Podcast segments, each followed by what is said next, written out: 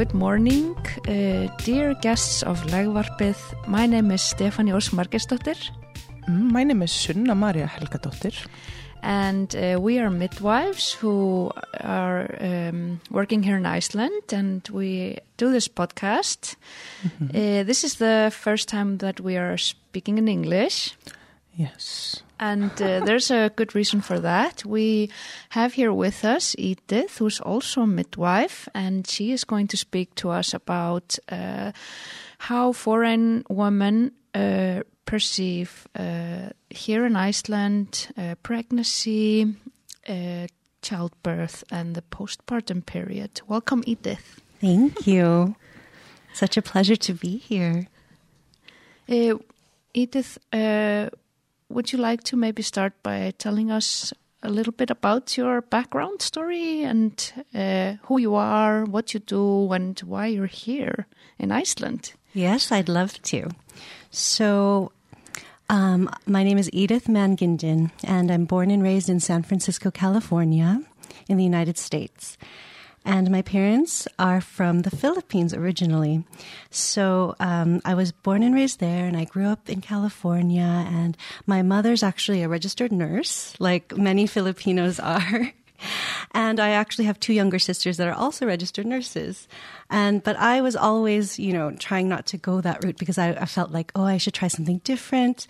Um, but the irony is, I actually, after I moved to Iceland and I was pregnant and I gave birth to my first child, and I was so inspired by that experience that I wanted to learn nursing and become a midwife. So in a nutshell, that's sort of where I came from and how I came here. And um, I actually met my Icelandic partner, or his, he, my husband now. His name is Valur Arnason. And he was studying advertising in San Francisco and had to move back to Iceland. And I decided to come visit him one day just to see, you know, what Iceland is like, where he's from, and get to know his culture better. And I just never went back home. quite different from San Francisco. Yes, it was quite the culture shock, but I fell in love with uh, the beautiful landscape, the nature, the wonderful people, um, and I loved how uh, the healthcare system and the educational system were, you know, universal. So everyone had access to, you know, education and healthcare, which is not exactly so in the United States. And so when I thought about having a family and, you know, raising kids here, I thought it would be so much better to do it in Iceland than in the United States. Mm-hmm, mm-hmm. And you learned Icelandic, did a four year uh, hard study of nursing and then two years of midwifery. Yes. And so a little bit about why I decided to do that. So when I first moved here 13 years ago, I was pregnant the week I moved to Iceland. And that was in 2009. There was something in the water that year. It was the most births that, you know, Iceland had seen at that time. And I was also a foreign woman. So I had just moved to Iceland. I couldn't understand or speak Icelandic. I didn't know what the healthcare system was like. And, but luckily I was, you know, married to an Icelander. So my husband would sort of help me navigate, but it was his first time being a father as well. So he didn't really know the system. And when we were, you know, when I was pregnant and we were trying to figure things out, um, I realized how different the healthcare system and the maternity care system is here in Iceland as opposed to the United States. As you know, in the United States, um, obstetricians, obstetricians lead, lead the care. And here in Iceland, midwives are the primary care providers for pregnant women. Um, and you can even, you know, be a pregnant woman here in Iceland and never meet an obstetrician during your whole, you know, pregnancy, childbirth, or postpartum period if everything goes well. And I thought that was such a huge difference to me in my mind because I kept thinking, okay, but when will I meet the obstetrician? Doesn't the obstetrician have to check me? Doesn't, you know, do, don't I need to make an appointment with, you know, doctors while I'm here? And so I was very lucky during pregnant. Everything went well during my pregnancy, and I really enjoyed it. You know, being he, pregnant here in Iceland because I got to go to med, uh, to um, prenatal yoga classes and antenatal water exercise classes, and I met other pregnant women. And but it was also very lonely because I couldn't speak Icelandic and I didn't really know anyone else, you know, like friends that were having babies at that time.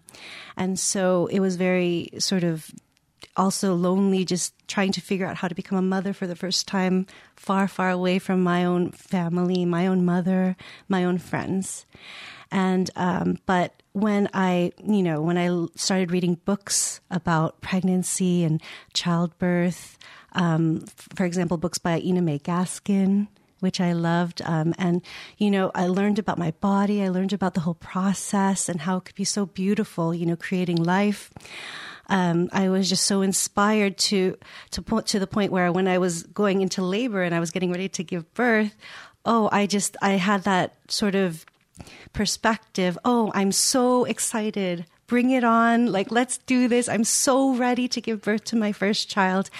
And luckily, that was such an amazing experience. It was so transforming. And from that moment on, I felt a calling that I wanted other women to be empowered. I mm-hmm. wanted women to, you know, learn about their bodies, learn about their babies, and become empowered in this whole process of becoming mothers. And so after that, I decided, okay, after I gave birth, let's because uh, your your mind changes. There's so many things going on in our brains the hormones and everything that after we give birth for the first time um, you have this sort of new perspective of life. You have this new sort of caregiving um, uh, like yeah this caregiving in yourself that you want to you know take care of other people. You have more empathy.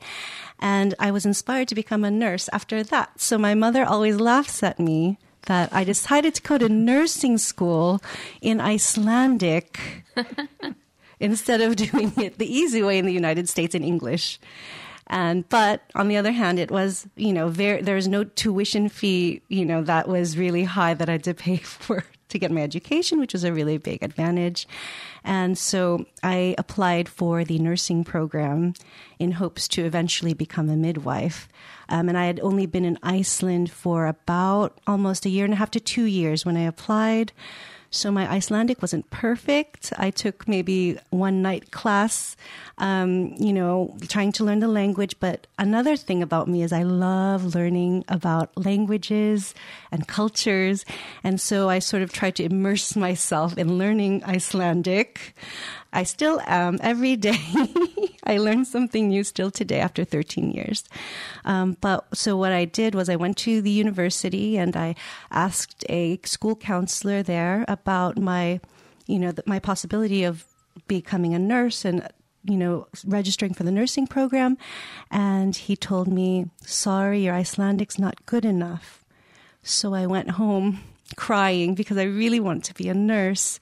And uh, my husband actually helped me advocate to give me a chance to become, you know, to try to get into the nursing school. And so I I went with my husband and talked again to the counselor and he said, "Okay, if you really want to learn nursing, you really have to learn Icelandic at the same time so you can, you know, understand everything that they're teaching in the classes. And I said, okay, I'm just going to try my best. And whatever happens, I've tried my best. And so what I would do is I would attend the lectures in Icelandic, go over all the slides, st- learn any words that were, you know, that I didn't know. And so I would spend the whole day studying, pick up my son from preschool, have family time from four o'clock to eight o'clock at night. And then when, once my son went to bed at eight o'clock, then it was study time until I would fall asleep around maybe midnight or one in the morning. And then it would just repeat. And every single weekend, I would spend maybe eight hours a day at the library just trying to translate the slides and all the material and learn how to speak. And so after that, that semester of trying to learn all the material and Icelandic and then taking the entrance exam, um, I I told myself, okay, if I don't pass, that's okay because I tried my best and I learned Icelandic. But if I do pass, then that's amazing and I can just start right away. And luckily I did, I passed and I started learning nursing. Wow. Yeah. It's a crazy story. It wasn't easy. Icelandic is pretty easy, right? so easy. Easiest language ever. Okay, so now uh, I can we can hear and we know you uh, that you love studying, and now you're now you're doing your doctors, and your focus is kind of uh, Your PhD. your PhD, yeah, Yeah. Doctors, right? Yes. Yeah. Uh, and uh, your focus is on foreign uh, women of foreign origin, right? Yes, um, among other things. So I quickly saw that when I was just concentrating on women of foreign origin, I saw other things uh, that were also affecting women's experiences. Uh, for example, you know, uh, for their educational, their level of education, um, also their how long they've been in Iceland, and also, you know, income, uh, whether they had a spouse or not. Like there were so many other things that play into, you know, our experiences because we're not just identified by one factor, right? I'm not just a woman of foreign origin. I'm also this and I'm also this. And so if we take a more holistic approach at looking at things, um, and in research, there's this t- talk of intersectionality, right? We're taking all the intersections of all these things, our class, our race, our, you know, our edu- level of education, um, things like that then we have a better picture of what is going on. Um, for example, in regards to maternity care and how women are experiencing things like respect in maternity care or you know autonomy whether they have the autonomy to make their decisions for themselves without feeling feeling pressure or coercion from other people and health healthcare providers. Um, also mistreatment uh, whether they experience any forms of mistreatment during childbirth and as well as overall birth experience. And I feel like in research, the the for the past few years, a lot of emphasis is on the obstetric outcomes. For example, how many cesarean sections are there? How many women, you know, had an unusual amount of bleeding? Um, things like that. Or you know, we're looking at the numbers, the statistics, which is really good. But also, I think what has been forgotten or what we need to also look at is what women say themselves about their own experience. Mm-hmm. Because as midwives, we know what's, what it says on paper doesn't exactly correlate to what the woman experiences. Um, and as a midwife, I've worked in the postpartum and prenatal ward at Landspitali for the past four years. I've also, you know, I also do home home care services, and I've also learned to become an internationally board certified lactation consultant, and I'm also a childbirth educator. And recently, I'm I've been training in hypnobirthing with Stephania. Did my first class. I recommend. Wow. Wonderful. And so when I meet women during this whole, you know, pregnancy, childbirth, and postpartum period, I notice, you know, what says on what it says on paper. For example, first time mom on paper, you know, she didn't need epidural, she gave birth vaginally, and no complications. Everything went beautifully on paper. But then, you know, when I continued to take care of the woman and she starts talking to me about her birth experience, she actually tells me it was so negative and she was so traumatized by it. But you could never tell by just looking at what it says, you know, in the obstetric outcomes or on in, in the in the record in the records. So then I I thought, okay, why don't we look at that side too? What do women say? Mm-hmm. What do women have to say about their care? Because that's so important. And to me, that's the most important because we want to provide women centered, individualized care. Mm-hmm. It's, you know, and as you guys know with pregnancy, childbirth, and the postpartum period, there's no one size fits all situation. Like there's not one thing that works for all women.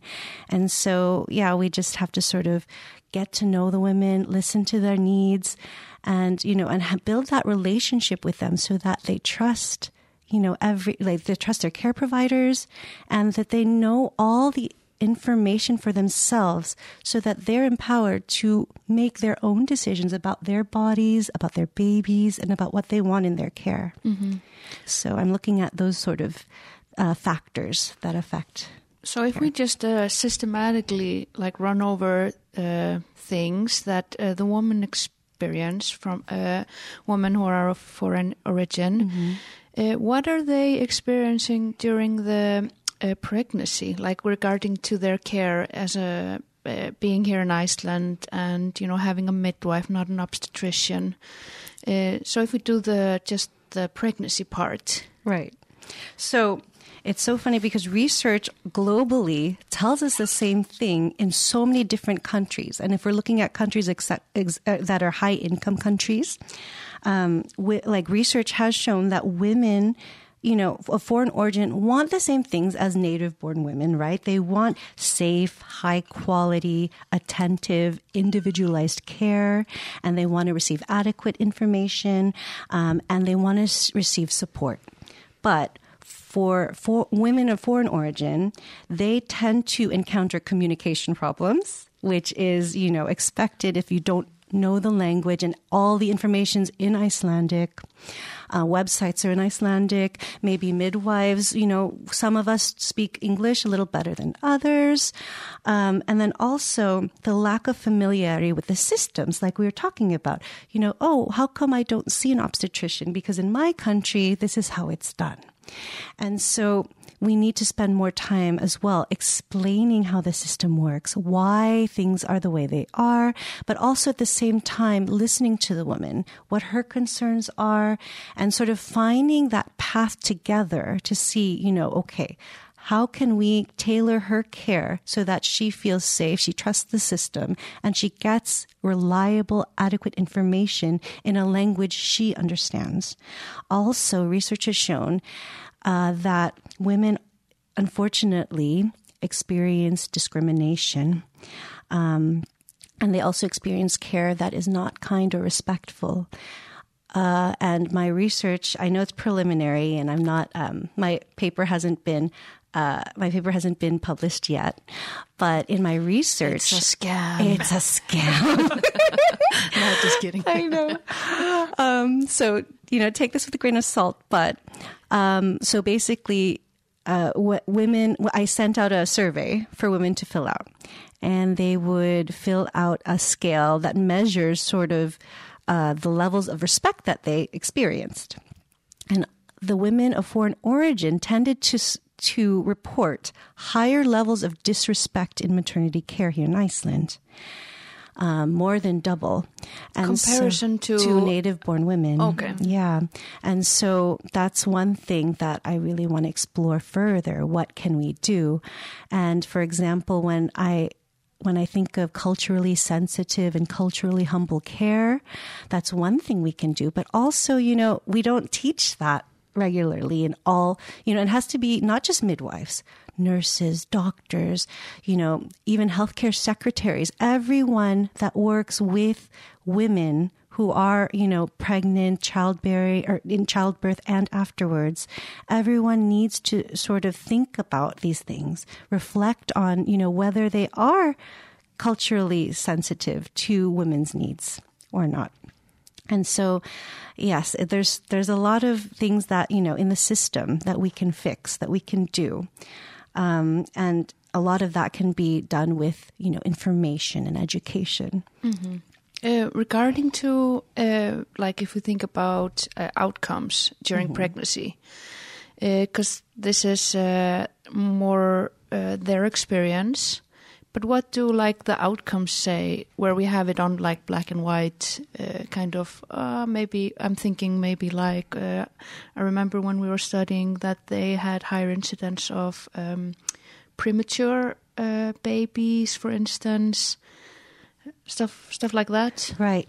You see, um, so that's that's sort of in other countries that we see that sort of trend where yeah exactly. Women of foreign origin are more likely to give birth to premature babies or maybe in some countries even with stillbirths and um, things like that. But here in iceland uh, we're still looking at that data and um, it's hard because the the data here in Iceland, it doesn't differentiate, you know, sometimes we know it's a woman of foreign origin, mm-hmm. but sometimes, you know, for example, for refugees and asylum seekers, that's not clear whether they're, you know, uh, they're, they are asylum seekers or refugees.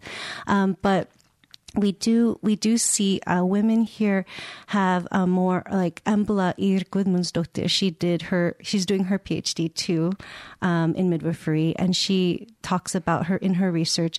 Uh, they're less likely to be induced, but they're more likely to have, um, for example, uh, interventions in childbirth, such as uh, vacuum extraction. Uh, things like that. So we do know that there are, you know, outcomes that do that are different for women of foreign origin, um, but we also have to take into you know take into account the context of like where they're receiving care. Is it hospital based or or is it like a continuous uh, sort of continuous care model? Mm-hmm. Whether it's you know it's women who are giving birth in hospital and maybe don't know their care providers and then that might or if it's women that have more you know um, uh, I guess, you know, pregnancy complications that need more monitoring and things like that. Uh, so there's so many other things also that play into yeah other factors exactly i also think it's important when you talk about women of foreign uh, origin that mm. uh, that group is so diverse also uh, you know yes. we have um, women from eastern europe which is like maybe a specific group uh, and very different from if we think Asian woman, you know, mm. uh, culturally and uh, also regarding to what they are used to in their country. Exactly. And it's such a diverse group of women. And that's why I say we don't just look at, you know, their country of origin. We look at also their level of education, um, maybe, you know, their type of work, how long they've been here in Iceland, whether they speak Icelandic or not. There's all these factors that also affect sort of, you know, how they experience the maternity care system here. And so it's so it's such an interesting topic, but it's so also at the same time difficult mm-hmm. to com- research. Yes. And me and Sunna, we were uh, talking together yesterday, and we were also thinking, like, uh, for instance, the part where you're talking about, yeah, when do I meet an obstetrician? If that could play part in uh, why they maybe experience less uh, service mm-hmm. yes. regarding if they don't get an explanation yes exactly if they don't they're not familiar with what the care uh, the, so the care system is here then they're you know they might not be able to completely trust the system because it's so different from mm-hmm. what it is back home and then their family back home is asking have you what did the obstetrician mm-hmm. say or like have you have you asked about this or that and it's mm-hmm. just two different systems so it's so different yeah. women can experience this conflict because yeah. you know someone like their family from back home is saying one thing but then the care providers here in Iceland are saying another thing you know and what is right and what is wrong because mm-hmm. things can be so different mm-hmm. you can hear uh, we're both uh, me and are in uh, doing the pregnancy part, uh, work at Heilsugæslan. Uh, what uh, we care for maternity, women in pregnancy, maternity yes, care, mater- maternity care, yeah, yeah antenatal care, antenatal care, yeah, and uh, I can hear a lot of um, women of foreign origin like asking for more ultrasounds, mm-hmm. yeah. and I feel like that is a thing that's not maybe in Iceland uh, done regular, not as regular as in at least their home country. Exactly. Usually, we only have two routine ultrasounds. Only around. one actually routine, but two yeah. optional. Yes. Like at week twelve and then twenty. Yeah. Yeah. And you know, and for women, it's always an option, right? Like yeah, for course. them to go. But you know, in for example, my sister's pregnant and she lives in the United States, and so there, you know, after week thirty or thirty-two, then it's mm-hmm ultrasound every single week. Wow. It can be, yeah. And, you and know. is it ultrasound that's vaginal or is it uh, just Yeah, it's just um, abdominal, Abdominal. um, yeah. unless there's an indication for vaginal. But, but in some countries, they, they do like vag- vaginal examinations. They uh, do. when it gets closer to their due dates. Mhm. Exactly. Just to check if there's a. There's any dilation in the cervix. Or, Mhm. Yeah, exactly. So as you can see, you can, you know, women can perceive less care because there's less services that they're attending. Um, but here in Iceland, I think we do a good job of evidence based care. So, and, you know, and with ultrasound, it's difficult also to know, uh, like with the research behind it, you know, okay, what, what's the purpose of this ultrasound? Why are we doing it? And we still don't know whether there is an effect on babies if they go to ultrasounds that often, once a week.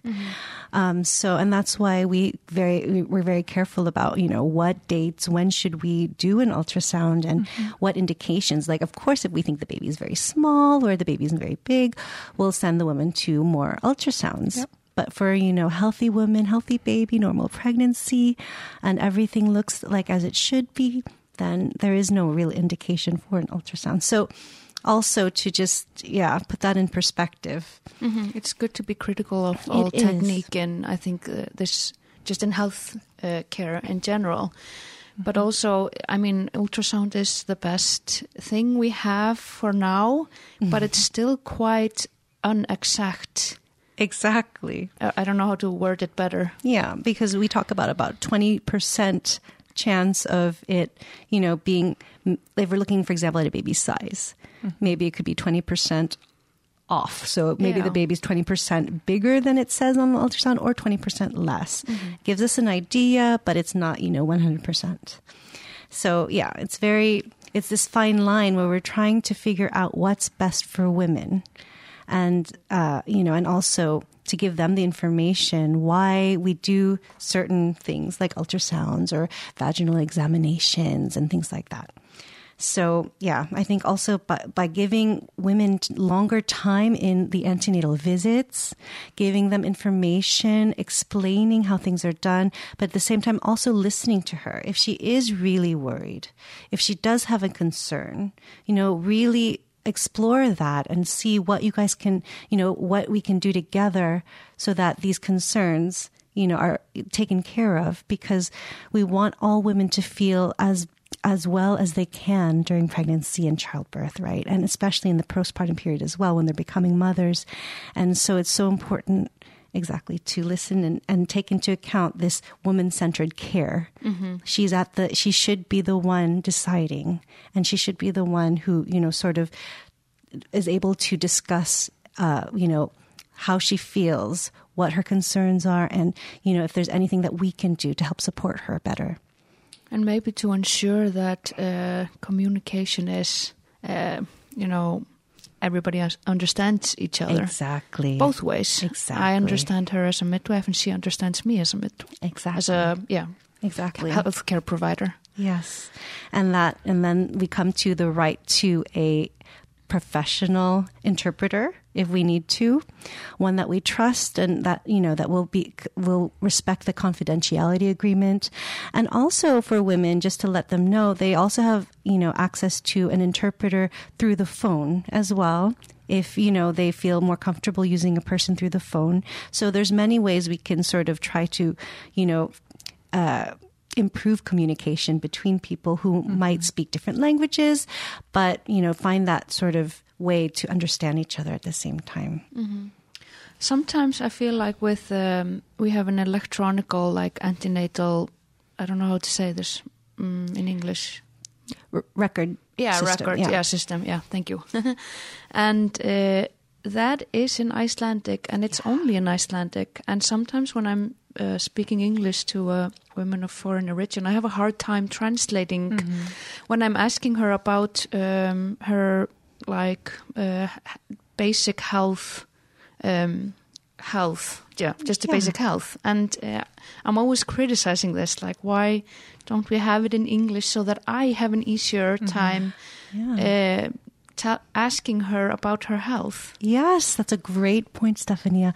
And I've also thought about that as well because, you know, as a midwife, we use these records to communicate with each other.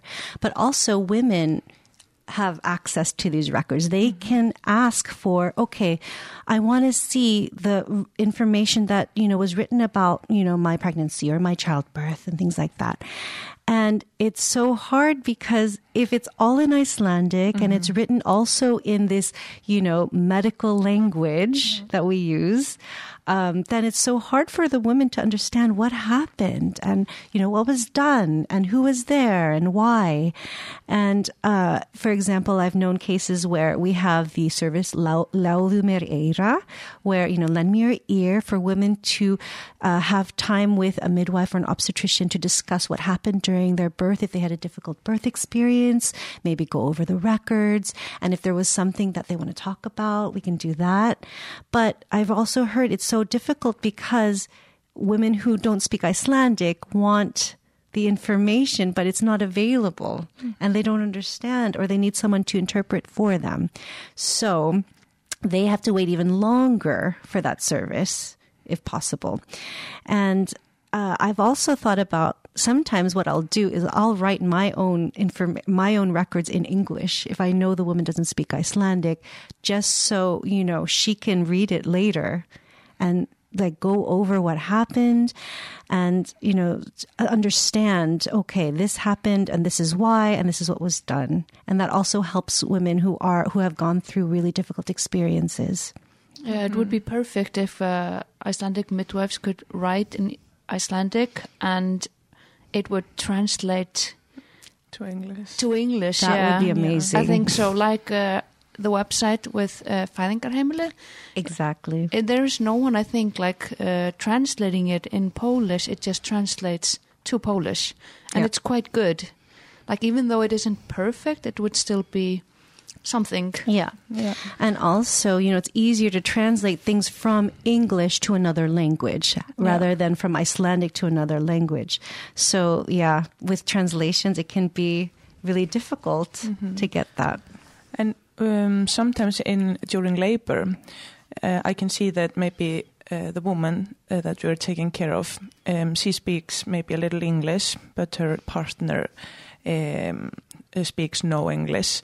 And then when she is getting trouble communicating in the end of labor or something, the partner is just out in the cold. So she is maybe trying to translate, mm. uh, you know, with almost 10 centimeters of dilation exactly. because um, her partner is, you know, trying to be a part of the whole process. So I think that in these cases we should just have a phone translator or in interpreter or something. Yes, exactly. Yeah. Have everyone on the same page. Yeah. But it also gets quite complicated when you have a language that is uh, spoken by few in Iceland and yeah. in, um, because we are so few. This is not a very. Uh, but we have access in the hospital to language line, which is yeah. like a twenty four seven phone service. Yeah. So yeah. But I think we should use it more often. Yeah, definitely. And yeah. I, I, was just saying, like, if we have a, a person there who is interpreting, that person could know the the people. Yeah, exactly. Which is kind of I don't know. Um, it can be a family be a, friend or yeah, it can be a good thing or it can be a very bad thing. Yeah, and yeah. you never know. So the choices are limited already. But Edith, I, uh, you have um, learned something about like cultural doulas. Yes, yeah. it just it, exactly it came into my yeah. head when you guys were talking about this. So while I was a midwifery student a few years ago, I visited Sweden mm. because I heard about this amazing service they have there. So there in Sweden, they trained doulas. And for those who don't know, a doula is a trained professional in providing emotional, physical, and informational support for women and their families during pregnancy, childbirth, and in the postpartum period. And so these doulas provide this continuous care for women of foreign origin. And these doulas who are from many different countries, um, they're trained in being doulas and they speak also Swedish. So they're able to, you know, translate and at the same time support the women and provide this continuity of care. So the woman trusts the doula who's translating and leading them through the system and through this whole process, which is, uh, such an amazing service that they have. And I, I'm a huge advocate for having doulas. Like the research shows that, you know, women and their babies and their families have better outcomes if they have a doula, you know, providing service for them. And so I, w- I always say if doulas were a drug, they would be implemented and used widely at Landspitali. but you know, The best painkiller. exactly the best painkiller, support and love, and information. And but you know, unfortunately, that's not the case, and we're experiencing staffing difficulties and things like that. But I just wish it's my wish in the future to work with doulas, and I hope at the birth center that we're opening Yeah. that we're able to have more doulas with us, and you know, and that women experience this continuity of care because I think for like that would fix so many things in our system. Mm-hmm. Can you imagine having like meeting the same midwife or midwives, knowing the people that are going to take care of you, and you know, and knowing that they're going to be there during pregnancy, childbirth, and the postpartum period? You're more likely to you know trust them, and you're more likely to talk to them about any you know questions you have, any difficulties you're having, and you know, and the midwives are more invested as well because okay, you're going to see them again and again. You're going to know them better, and then you're you know you're really invested in preparing the woman. You're really invested in you know providing like that con- continuity of care that she you know she really needs when you know they don't speak the language, they don't know the system. And so, yeah, it's my wish that one day we can have doulas working side by side with us, like, and that would be the standard mm-hmm, in mm-hmm. my and in some places in the United States, for example, at midwifery-led birth centers, they require a doula to be with them in the births as well. And so, I think you know having that team would be just so ideal. Um, but also, I know us midwives, we really strive to do that as well. You know, and so it's just like making seeing like what we can do to improve to make it even better for women, so that they have you know a, a huge network of support around them. Uh, little sad, but uh, at Landspitalinn you can only have one birthing partner now. Mm-hmm. That is very sad. I know. Yeah. during COVID times, but hope, hopefully it will change back again. Yeah, hopefully in the future. Yeah. And during COVID times, sometimes there was no birth partner that Yeah. was able to come mm-hmm. or attend. And, you know, and I feel like, yeah, we really need to think about, you know, what we can do to advocate for women. Yeah. Um, especially women who want, for example, a doula and a birth partner or a translator that they trust and their birth partner there. Um, s- is it possible to make exceptions? Is that Yeah. maybe women centered care? And it's it's uh, um, probably easier for um, the midwife as well because it makes all communication a lot easier. Exactly. So So it would promote that whole, you know, the it would promote the hormones and the progress of labor, and you know, and the woman would feel better. And so that's our goal to make all women feel as comfortable and you know, and also experience as positive of a birth as possible. But what what more can we do, um, midwives, for this group of women? Oh, there's so much. um, but first and foremost, you know, exactly learning about, you know, cultural humility and cultural sensitivity, what that is and what that involves.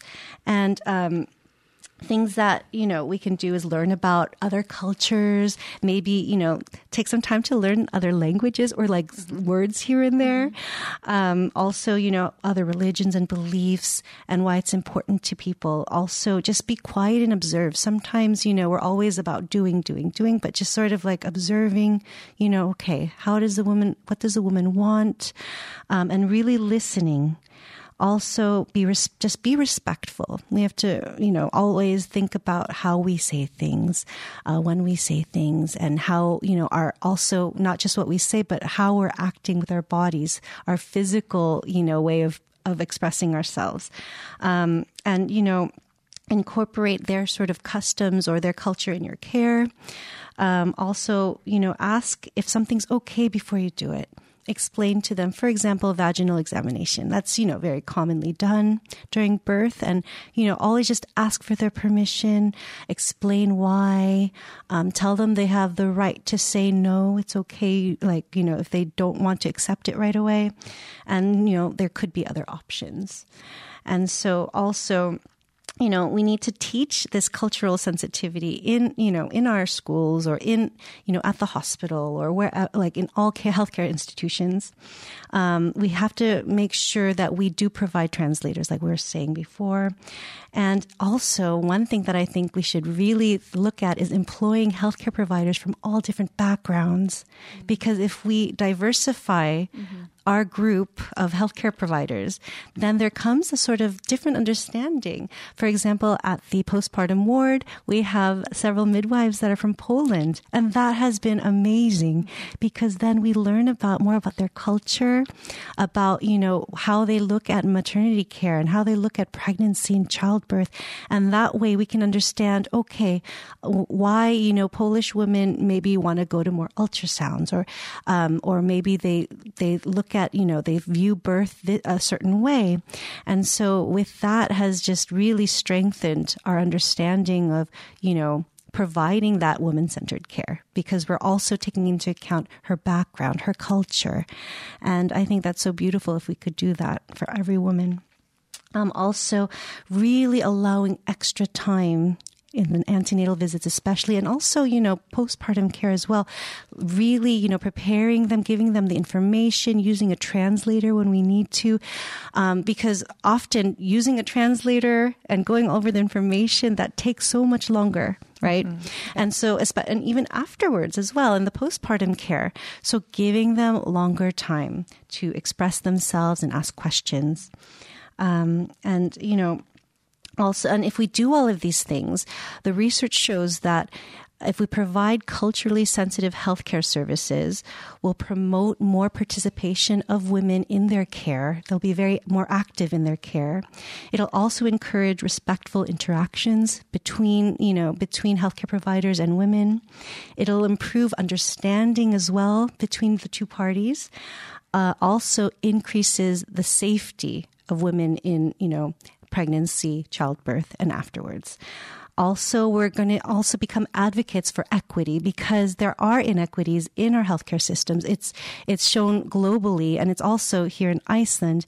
And if we're able to sort of fill that gap where, you know, the, where the standard of care is the same for, for example, women of foreign origin and native Icelandic women, then, you know, we're one step towards, like, closer towards equity in our healthcare.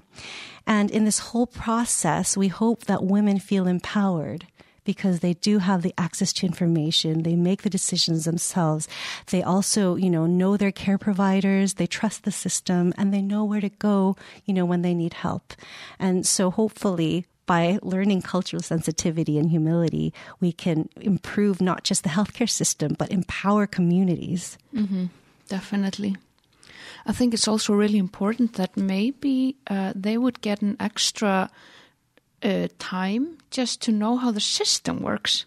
Yes. Just uh, with a little introduction. Yeah, yeah, and also to tell them, I think some women uh, or parents be, uh, who are becoming parents can be afraid that maybe something costs more or something, ah. you know, and they would be like, no, I don't want uh, in fear of having to pay. Exactly. I'm just thinking now out loud. Uh, yeah. But maybe that would be a good idea. Or if there would be a class with a, uh, what's it called? Uh, um,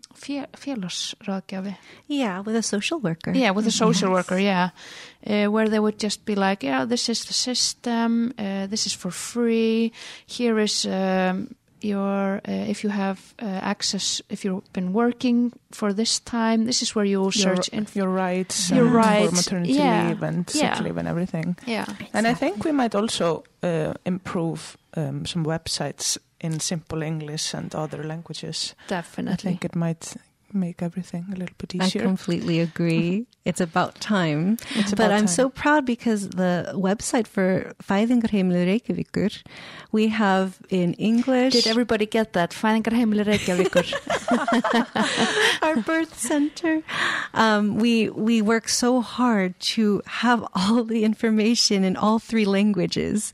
And for example, as a researcher myself, when I was sending out my survey, exactly, there's so much work that goes into translating, you know, and making sure not just translating, but making sure it makes sense and it's culturally appropriate in those languages. And so it's so much work, but I feel like it's time that all this information is available to people who don't speak Icelandic. I wish it were available in more languages, but hopefully one day we'll be able to do that. Um, but I think it's a huge, you know, it's a huge step having it in English and Polish as well as Icelandic. And we have our breastfeeding courses in Polish, English, and Icelandic as well. Our childbirth preparation courses in in the same in the same three languages. And we have a very diverse group of women working together, which I'm so excited about. You know, we have Icelandic midwives. We also have like Polish midwives and Polish doulas. And so I think, you know, hopefully we're able to build this, you know, um, like women centered care and really, you know, and culturally sensitive care as well. yeah, that has been a focus, def- uh, definitely a big focus for us. It's very exciting. Mm-hmm.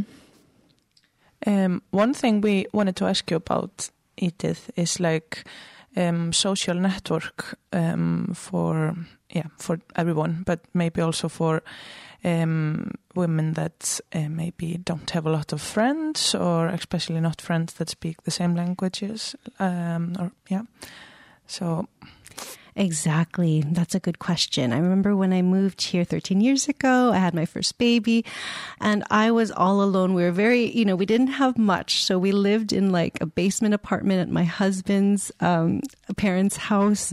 And I didn't know anyone here really. I was just getting to know his family and I was very much alone. You can imagine just being a new mom, not having any, you know, friends or family. And this was before the time where video calling and chatting was available, readily available. And so I would spend many days very alone. My husband went to work right away and, you know, I was just trying to learn how to become a mom by myself.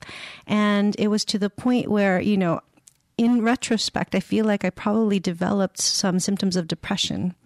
And that time was so hard for me because, you know, the breastfeeding was, you know, very demanding. It was like, I love breastfeeding, don't get me wrong, but it is a very demanding thing. And it's, you know, it's like living your life in increments of two to three hours, 24 hours a day. And so the lack of sleep, lack of support, um, and all of these things sort of made me feel really down. Like, and I felt also, you know, I don't have a job here. I don't speak Icelandic. There's so many things that were just really affecting me. Um, but when I, I finally took a step and tried to meet other women that moved to Iceland, other foreign women, that's when I saw sort of like, okay, other women are experiencing the same exact thing that I'm experiencing, but we don't know it because everyone's just in their own homes or in their own corners. And when I met this group of women, um, they're called Women in Iceland, or in Icelandic, Samtök Kvenna af Erlendum Uppruna. Um, they just I met these amazing women that have been here in Iceland for many years, and some have also just moved to Iceland. And listening to everyone's stories, how we have so much, even though we come from different countries, or sometimes the same countries, we have so much similarities. So, you know, one thing that I was going through is something maybe another woman was going through. And it just being able to talk about it and to sort of say, Hey, I'm going through this too, and making that connection together and just finding other people in the community um, just helps you, you know, look at the brighter side and see that, like, you know what? I'm an important human being. I have something to contribute to this society. And, you know, and I, and I can, you know, and there are people who want to be my friends who I can, you know, talk to if I have any problems. There's people out there. And so I encourage women of foreign origin to maybe like look within, you know, their communities or also come to the women um, meetings that we have sometimes and the gatherings that we have. We do social gatherings where, you know, we meet regularly and do projects together. We do art projects or sometimes we'll do the World Food Cafe, which we haven't done because of the pandemic. But then, you know, we get to try cuisine from different countries and cultures. Really cool. Um, and just, you know, meeting other Can women. I come? yes, you're very much welcome. Uh, you guys, I'll invite you guys for the next meeting. Um, but I just think it's so, there's so much in just building that community. And that's also what I want to do for like, um, you know, expecting parents as well. I feel like with the pandemic, you know, not many people are meeting up and a lot of women and their families are feeling very much isolated. And I hope once the pandemic, you know, slows down and we're able to meet regularly, that's my hope to, to sort of make these, like, have these gatherings where parents come together and share their experiences and provide support to each other. Um, sort of this peer support. Anything Icelandic women can do. Yes. um, you know, and Icelandic women, if you see, you know, women of foreign origin in your neighborhood that are also expecting or just had babies, like Yeah. invite them. Because another thing I encountered when I moved to Iceland is everyone has their group of friends. Yeah. It's very hard to get in those group of friends. Yeah. But um, when I moved here, my husband had a group of his friends, and I made friends with his wives, and some of us were pregnant at around the same time. So, you know, I was invited into that group of women, and um, and we still meet today, and we see each other today, and it's so important that you know women feel included. Um, and get that invitation. Yeah. So I think also like yeah, Icelandic women can also you know if they see someone in their neighborhood or in their in their pregnancy group, like invite them like hey you know what's your name and show just interest in you know people's stories. Mhm. Culture and Yeah, can learn a lot from uh, you can. other other culture. yes. We uh, in the lab, in labor ward in Landspitali, we have actually a lot of stories um, of women getting into labor in the middle of the night, and they have their partner um, coming in with older um, children just to sleep. Um, uh, maybe outside in the car or something, and it turns out they don't know one single person that they can ask for um, babysit babysitting. Exactly. and it just breaks my heart every time because you know I, I can't imagine you know coping with um, maybe a few children here and don't knowing one word in Icelandic or English and you have no one to babysit. So the the women just sometimes have to be alone Yeah. without their partner in, in giving birth so That would be a nice chance to have at least a doula. Exactly. Uh, Yeah, We have exactly. a do- or, Or, maybe uh, to, or, ha- yeah. to have a friend, Friend, or yeah. yeah, exactly. Yeah. Uh, actually, we were uh, speaking to Hilda Thore, um, Icelandic midwife that um, was working in Hong Kong, uh, and she she was telling us about like a little system there where they just found like all women that gave birth in in April, um, they just have to meet up in the church uh, for lunch or something, uh, and it was a little awkward in the beginning, but then it, you know, turned out to be a, a nice supportive group. So Was that a foreign woman? no, I think, uh, but I think they are just very like a lot of um, different Yeah, yeah. cultural backgrounds in Hong Kong. Yeah, yeah. So yeah. yeah, maybe, but um, it was just for everyone to have a little, yeah, I think that's also like in Sweden that Yeah, they just it- have. Uh, Uh, they have sort of a, a routine like um, preparation class for birth, and then they continue after birth as well. yeah, Yeah. and it's incorporated in the system. Yeah, yeah, exactly. Yes. And I've noticed also, like, for example, what we're trying to do at the birth center is having the childbirth preparation class and then Yeah. also encouraging the same people to attend the breastfeeding class Yeah. and newborn care. And what happens, I've noticed, for example, the last class we had was the same parent or the same expecting parents attended the childbirth class and the breastfeeding class. And just by the second time that they met, they all started talking to each other right away. Uh, they started to get to know each other, and then everyone is sort of encouraging each other and really asking questions. And, you know, and I hope that continues and they continue to meet each other afterwards and just see, you know, how did it go with you guys? Yeah. And, you know, and by building that sort of community, which we hope to do, Yeah. Is to sort of lift up and support the parents and let them mm-hmm. know like yeah it can be it's this amazing rewarding experience but it can also be very challenging. And we need to build that network of support for each other. Mm-hmm. And if you feel that support even though it's online or whether it's in person Yeah. you know just knowing that someone else is going through the same thing and un- is understanding what you're going through Yeah. you know. Mm-hmm. And now with like because you were talking about there were there were no video calls and everything when you had your first child. Now we have all of that, and I think women are connected to maybe their family back home, you know, or something. But it's not the same, you know, and and maybe um, it's more difficult to take the step and reach out in your like local commun- community when you have uh, when it's easier to connect to someone in Yeah. Could make them even more social isolated. Yeah. Socially isolated. Yeah, because it's it's not the same like if you're having a bad day and you don't show up at the um, yeah at your me- you- regular meetings. You know, you have a neighbor that can maybe swing by or just contact you or something. It's not the same, I Mhm. think. I think it's also interesting because uh, me and Sunna, we have obviously a lot of Icelandic friends who are uh, now having children uh, that age, and uh, they talk about social isolation. And uh, if we imagine being a foreign uh, foreign parents Yeah. with less support, how socially isolated you can be. Yeah, and like um, uh, in the past two years, you know, with COVID and everything, and also just this winter, where you are not able to go out with, you know, with a Mhm. baby because you can't walk in the street and everything. I think a lot of new women have just been isolated at home. Yeah, new mothers. Yeah. Yeah, yeah. Yeah, new women. yeah They are new women. They became you, are, mothers. yeah, you do become a new woman actually Yeah. Um, yeah. Anything you would like to add, Edith? Anything that we haven't been talking about, or maybe you want to tell uh, people who are hopefully listening to this, uh, like anything uh, that's a good information for them to know? Yes. Uh, well, I think we covered almost all the topics possible. Um, but I just want to reiterate that, you know, during pregnancy, childbirth, and the postpartum period, um, for women to really know their rights. Um, if there's any information you don't understand, you know, don't be scared to ask about.